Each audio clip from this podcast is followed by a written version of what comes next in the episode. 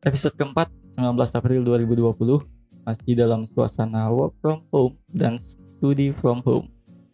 Nah, sekedar informasi bahwa Sumatera Barat akan melaksanakan PSBB pembatasan sosial berskala besar kalau nggak salah itu mulai Rabu depan, Rabu depan 22 April. Ya. Nah, semoga berjalan dengan baik dan mari kita dukung himbauan pemerintah ini. Uh, episode kali ini berawal dari salah satu tulisan yang terbit di situs Mojo. Oh ya, um, sebelum masuk ke artikelnya, saya ingin bercerita sedikit tentang pelaksanaan perkuliahan secara online. Nah, sepertinya ada apa ya istilahnya ekspektasi atau harapan kita yang terlalu tinggi tentang perkuliahan online jadi pas di awal-awal saat diberlakukannya perkuliahan online, kita pasti merasa bahwa perkuliahan online itu akan sedikit lebih santai lah daripada perkuliahan uh, biasanya. Karena kita bisa melaksanakan anggapannya ya, anggapannya kita bisa kuliah di mana pun, kapan pun gitu dengan media seperti Google Meet, uh, Zoom. Nah, pada saat realisasinya ternyata tidak seindah yang dibayangkan. Ada banyak kendalanya. Nah, ini salah satu. Nah, ini yang uh, mungkin yang jadi motivasi mahasiswa tersebut menulis artikel di situs Mojok ini. Nah, judul artikelnya itu um, Bapak dan Ibu dosen, anjuran kampus itu kuliah online, bukan ngasih tugas. nah ini ketahuannya siapa yang nulisnya. Pasti mahasiswa lah ya. Nah jadi artikelnya memang ditulis oleh seorang mahasiswa di mana pada artikel tersebut ia menyampaikan keluh kesahnya tentang perkuliahan secara online. Atau lebih tepatnya curhat ya curhatan hatinya mengenai kuliah secara online. Nah pada artikel tersebut intinya mahasiswa tersebut e, merasa terlalu banyak tugas yang diberikan oleh dosen jadi mereka jadinya bukan stres gara-gara mi mikirin wabah COVID-19 tapi malah stres mikirin tugas. Oke. Okay. jadi yang menarik uh, untuk saya itu bukan sebenarnya bukan tulisan artikelnya. Cuma saya saya punya kecenderungan saat baca artikel atau nonton YouTube saya lebih suka baca komen-komennya dulu. Gak tahu juga kenapa tapi saya ada kecenderungannya seperti itu ya. Suka baca komen terlebih dahulu. Nah dari sekian banyak komentar yang mengiyakan tulisan mahasiswa tersebut yang setuju nah kebanyakan yang setuju itu sama-sama mahasiswa mungkin ya. Nah ada salah satu komentar yang sangat menarik uh, untuk saya bahas.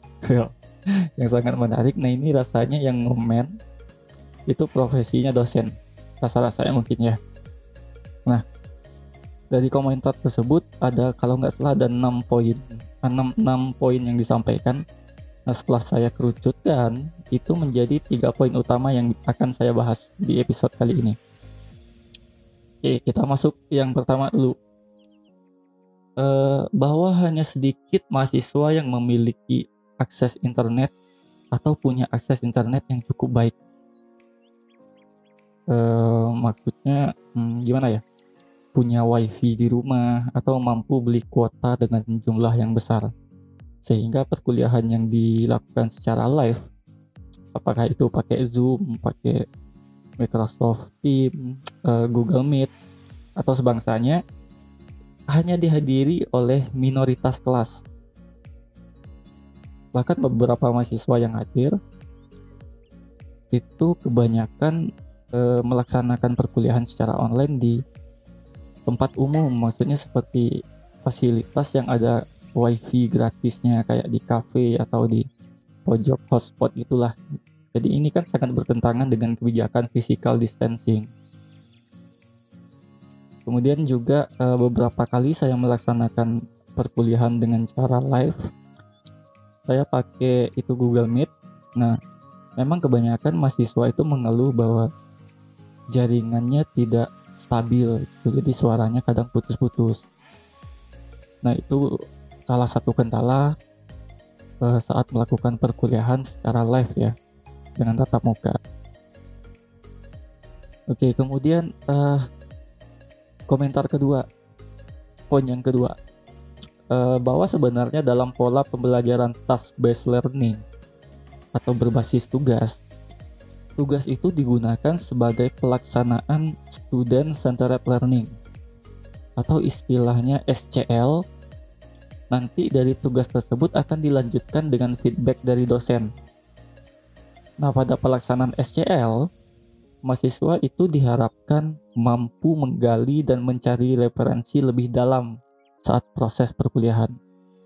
Nah, itu bedanya sama perkuliahan secara konvensional, tatap muka secara langsung di kelas. Kalau secara langsung di kelas, secara konvensional, itu sekitar 80% perkuliahan di kelas itu bakal didominasi oleh dosen. Dan kebanyakan mahasiswa ya duduk diam menerima materi. Nah, itu kebanyakan terjadi seperti itu. Nah, sedangkan di perkuliahan eh, secara online eh, mahasiswa diharapkan lebih kreatif dan mampu mencari referensi dengan mandiri. Jadi tugas dosen hanya mengarahkan secara garis besarnya saja. Tetap mahasiswa nanti yang lebih banyak belajar secara mandiri. Pola pembelajaran yang seperti ini, yang project based ini, ini udah banyak sekali diterapkan kayak di negara-negara maju di Eropa itu sudah menerapkan konsep yang seperti ini. Jadi project itu sudah ditentukan di awal perkuliahan, uh, ya bahkan sebelum perkuliahan dimulai, sebelum semester dimulai ya. Jadi uh, nanti perkuliahan akan merujuk ke project sebuah project besar di mana nanti e, untuk mendukung atau menyelesaikan project besar tersebut akan ada tugas-tugas yang diberikan oleh dosen. Jadi yang harus diingat bahwa tugas yang dikasih saat kuliah online ini, yang kuliah online saat ini, yaitu bukan sekedar atau asal-asal ngasih tugas. Seluruh tugas dan proyek yang disampaikan atau diberikan itu sudah diperhitungkan dan dirancang dengan baik sedemikian rupa pada awal perkuliahan demi mencapai target atau uh, capaian mata kuliah tersebut. Nah, kadang ada juga mahasiswa yang beranggapan bahwa tugas yang disampaikan atau tugas yang diberikan saat perkuliahan online dijadikan absen perkuliahan. Nah, memang kalau untuk kondisi seperti ini harus diakui bahwa metode pembelajaran daring itu absensi perkuliahan tidak bisa secara langsung ya kecuali kita melaksanakan perkuliahan secara live tapi balik lagi ke kendala awal kalau secara live tentu tidak banyak mahasiswa yang bisa mengikuti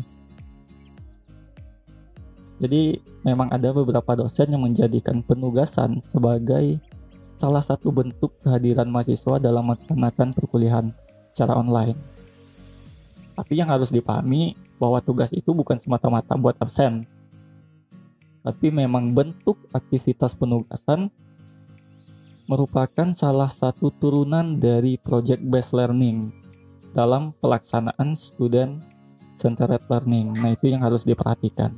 Ya, jadi intinya dosen pas ngasih tugas di e-learning atau di kuliah online itu bukan ya sekedar ngasih tugas aja.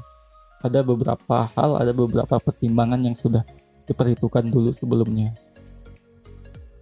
Kemudian yang ketiga, komentar yang ketiga, poin yang ketiga yang saya tangkap uh, saat ini kita berada dalam situasi darurat ya kita sama-sama berada dalam situasi darurat di wabah COVID-19 ini di pandemi ini.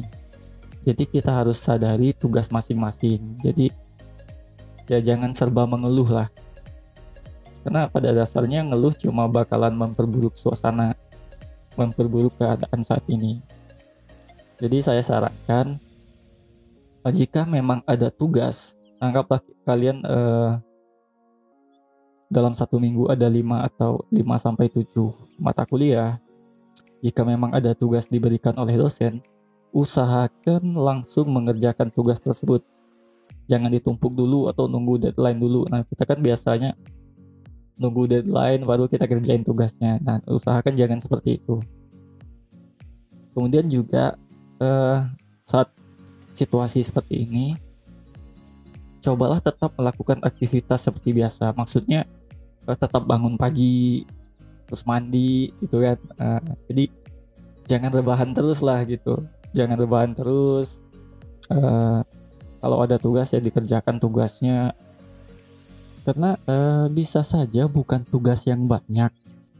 Tapi uh, kita cenderung terbiasa atau sering mengerjakan tugas di saat-saat terakhir atau deadline. Jadi tugasnya memang terasa berat jadinya.